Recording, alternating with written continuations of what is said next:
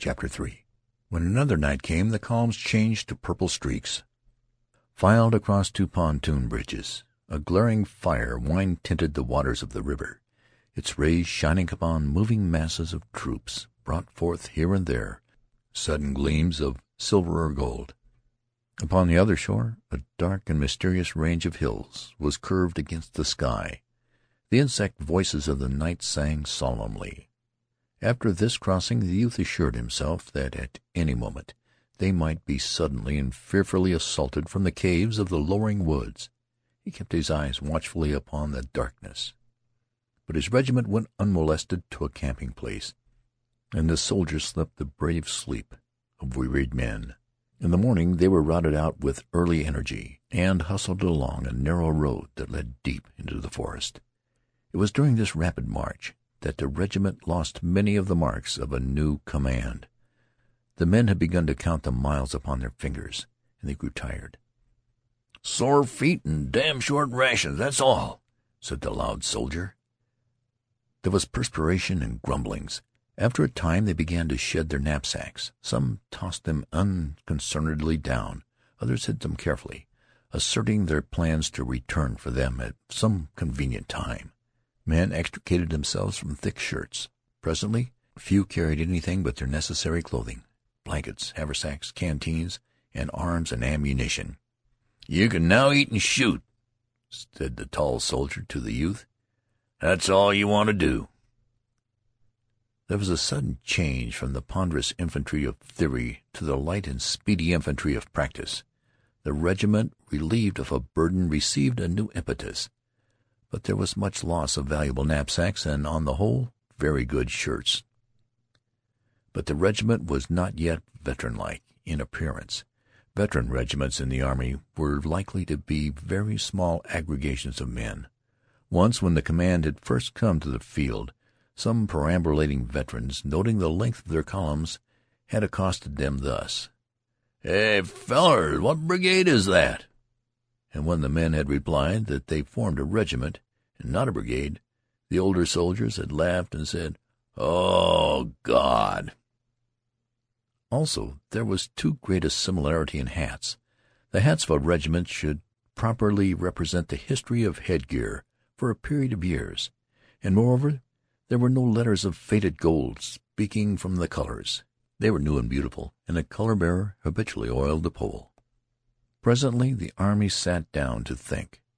The odor of the peaceful pines was in the men's nostrils. The sound of monotonous axe blows rang through the forest, and insects, nodding on their perches, crooned like old women. The youth returned to his theory of a blue demonstration. One gray dawn, however, he was kicked in the leg by the tall soldier, and then, before he was entirely awake, he found himself running down a wood road in the midst of men who were panting from the first effects of speed. His canteen banged rhythmically upon his thigh. His musket bounced a trifle from his shoulder at each stride and made his cap feel uncertain upon his head. He could hear the men whisper jerky sentences. "Say, what's this all about?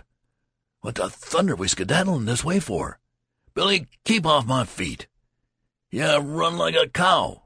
And the loud soldier's shrill voice could be heard. "What the devil they in such a hurry for?" The youth thought the damp fog of early morning moved from the rush of a great body of troops. From the distance came a sudden spatter of firing. He was bewildered. As he ran with his comrades he strenuously tried to think, but all he knew was that if he fell down those coming behind would tread upon him. All his faculties seemed to be needed to guide him over and past obstructions. He felt carried along by a mob. The sun spread disclosing rays, and one by one regiments burst into view like armed men just born of the earth. The youth perceived that the time had come. He was about to be measured. For a moment he felt in the face of his great trial like a babe, and the flesh over his heart seemed very thin. He seized time to look about him calculatingly but he instantly saw that it would be impossible for him to escape from the regiment. It enclosed him, and there were iron laws of tradition and laws on four sides. He was in a moving box.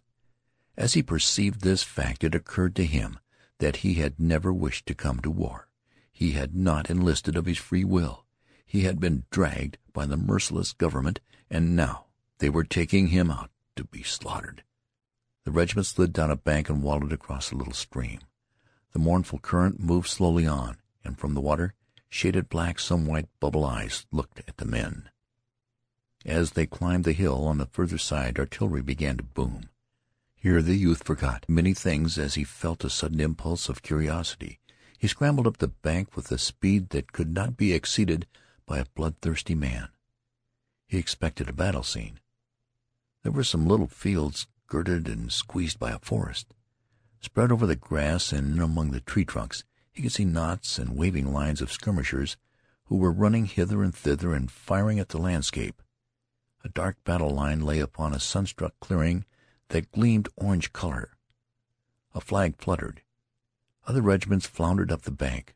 The brigade was formed in line of battle, and after a pause started slowly through the woods in the rear of the receding skirmishers, who were continually melting into the scene to appear again further on. They were always busy as bees, deeply absorbed in their little combats. The youth tried to observe everything. He did not use care to avoid trees and branches, and his forgotten feet were constantly knocking against stones or getting entangled in briars. He was aware that these battalions, with their commotions, were woven red and startling into the gentle fabric of softened greens and browns. It looked to be a wrong place for a battlefield. The skirmishers in advance fascinated him. Their shots into thickets and at distant and prominent trees spoke to him of tragedies, hidden, mysterious, solemn. Once the line encountered the body of a dead soldier. He lay upon his back, staring at the sky. He was dressed in an awkward suit of yellowish brown. The youth could see that the soles of his shoes had been worn to the thinness of writing paper, and from the rent in one a dead foot projected piteously, and it was as if fate had betrayed the soldier. In death it exposed to his enemies the poverty in which in life he had perhaps concealed from his friends. The ranks opened covertly to avoid the corpse. The invulnerable dead man forced a way for himself.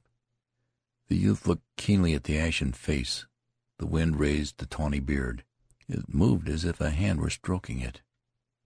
He vaguely desired to walk around and around the body and stare, the impulse of the living to try to read in dead eyes the answer to the question.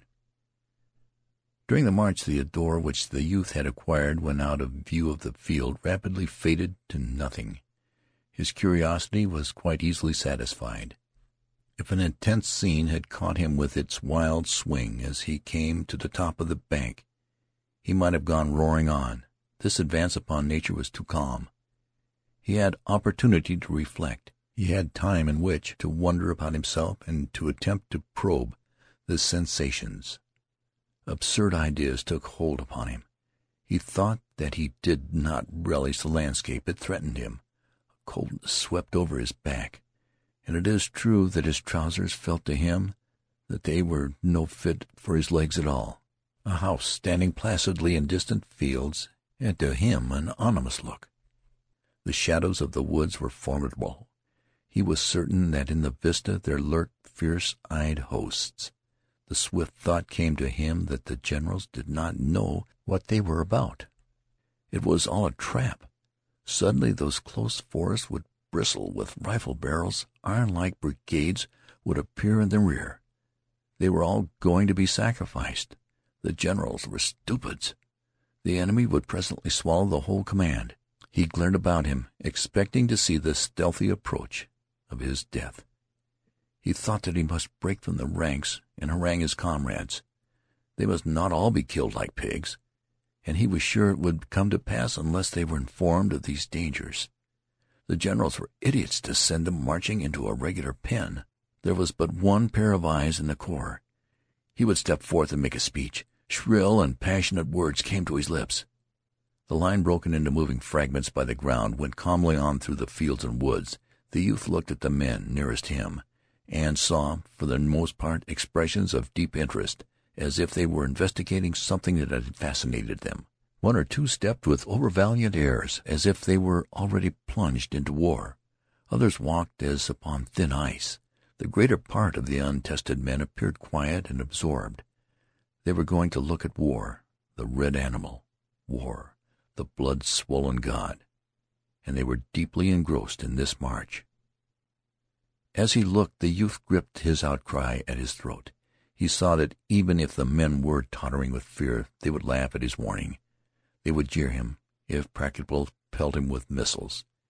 Admitting that he might be wrong, a frenzied declamation of the kind would turn him into a worm.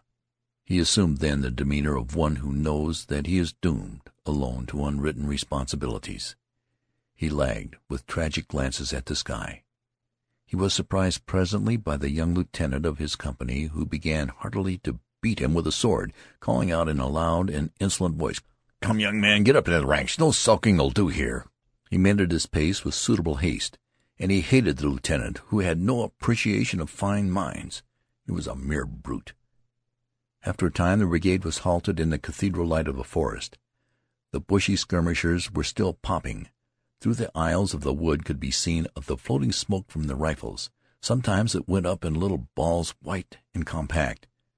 During this halt many men in the regiment began erecting tiny hills in front of them. They used stones, sticks, earth, and anything they thought might turn a bullet. Some built comparatively large ones, while others seemed content with little ones. This procedure caused a discussion among the men. Some wished to fight like duelists, believing it to be correct to stand erect and be, from their feet to their foreheads, a mark. They said they scorned the devices of the cautious. But the others scoffed in reply and pointed to the veterans on the flanks who were digging at the ground like terriers. In a short time there was quite a barricade along the regimental fronts. Directly, however, they were ordered to withdraw from that place. This astounded the youth. He forgot his stewing over the advance movement. "Well, then, what did they march us out here for?" he demanded of the tall soldier. The latter with calm faith began a heavy explanation, although he had been compelled to leave a little protection of stones and dirt, to which he had devoted much care and skill. When the regiment was aligned in another position, each man's regard for his safety caused another line of small entrenchments. They ate their noon meal behind a third one. They were moved from this one also. They were marched from place to place with apparent aimlessness.